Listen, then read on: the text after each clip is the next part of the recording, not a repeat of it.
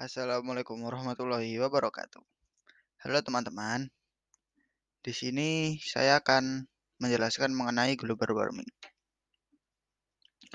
Global warming sendiri merupakan suatu bentuk ketidakseimbangan ekosistem di bumi akibat terjadinya peningkat terjadinya proses peningkatan suhu rata-rata atmosfer, lautan, dan daratan di bumi. Bisa kita lihat suhu rata-rata di Indonesia kini sudah meningkat walaupun sedikit ya. Walaupun begitu, kita tidak bisa membiarkannya. Diperkirakan pada 2100, Indonesia akan naik sekitar 4 derajat kalau kita seperti ini terus.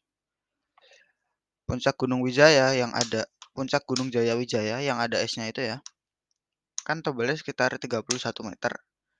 Diperkirakan pada 2025 mendatang akan hangus. Dan juga pada ini mungkin tahun 2012, 2018 sekitar 12 juta hektar hutan di dunia hilang. 12 juta hektar di dunia hilang sepanjang 2018. Itu itu dalam itu di waktu 2018, apalagi sekarang 2022 ya kan. Nah, hmm, kita kita bisa melihat di sekitar kita bahwa memang global warming sangat mempengaruhi kita. Yang seperti saya sebutkan tadi ya.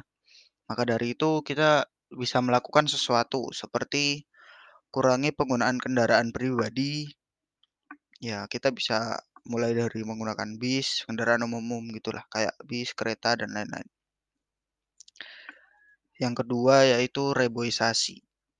Reboisasi atau penghijauan adalah salah satu cara agar kita menghijaukan kembali bumi kita agar bisa menghasilkan banyak oksigen lagi seperti dulu. Menerap yang ketiga, menerapkan 3R. Reduce, reuse dan juga recycle.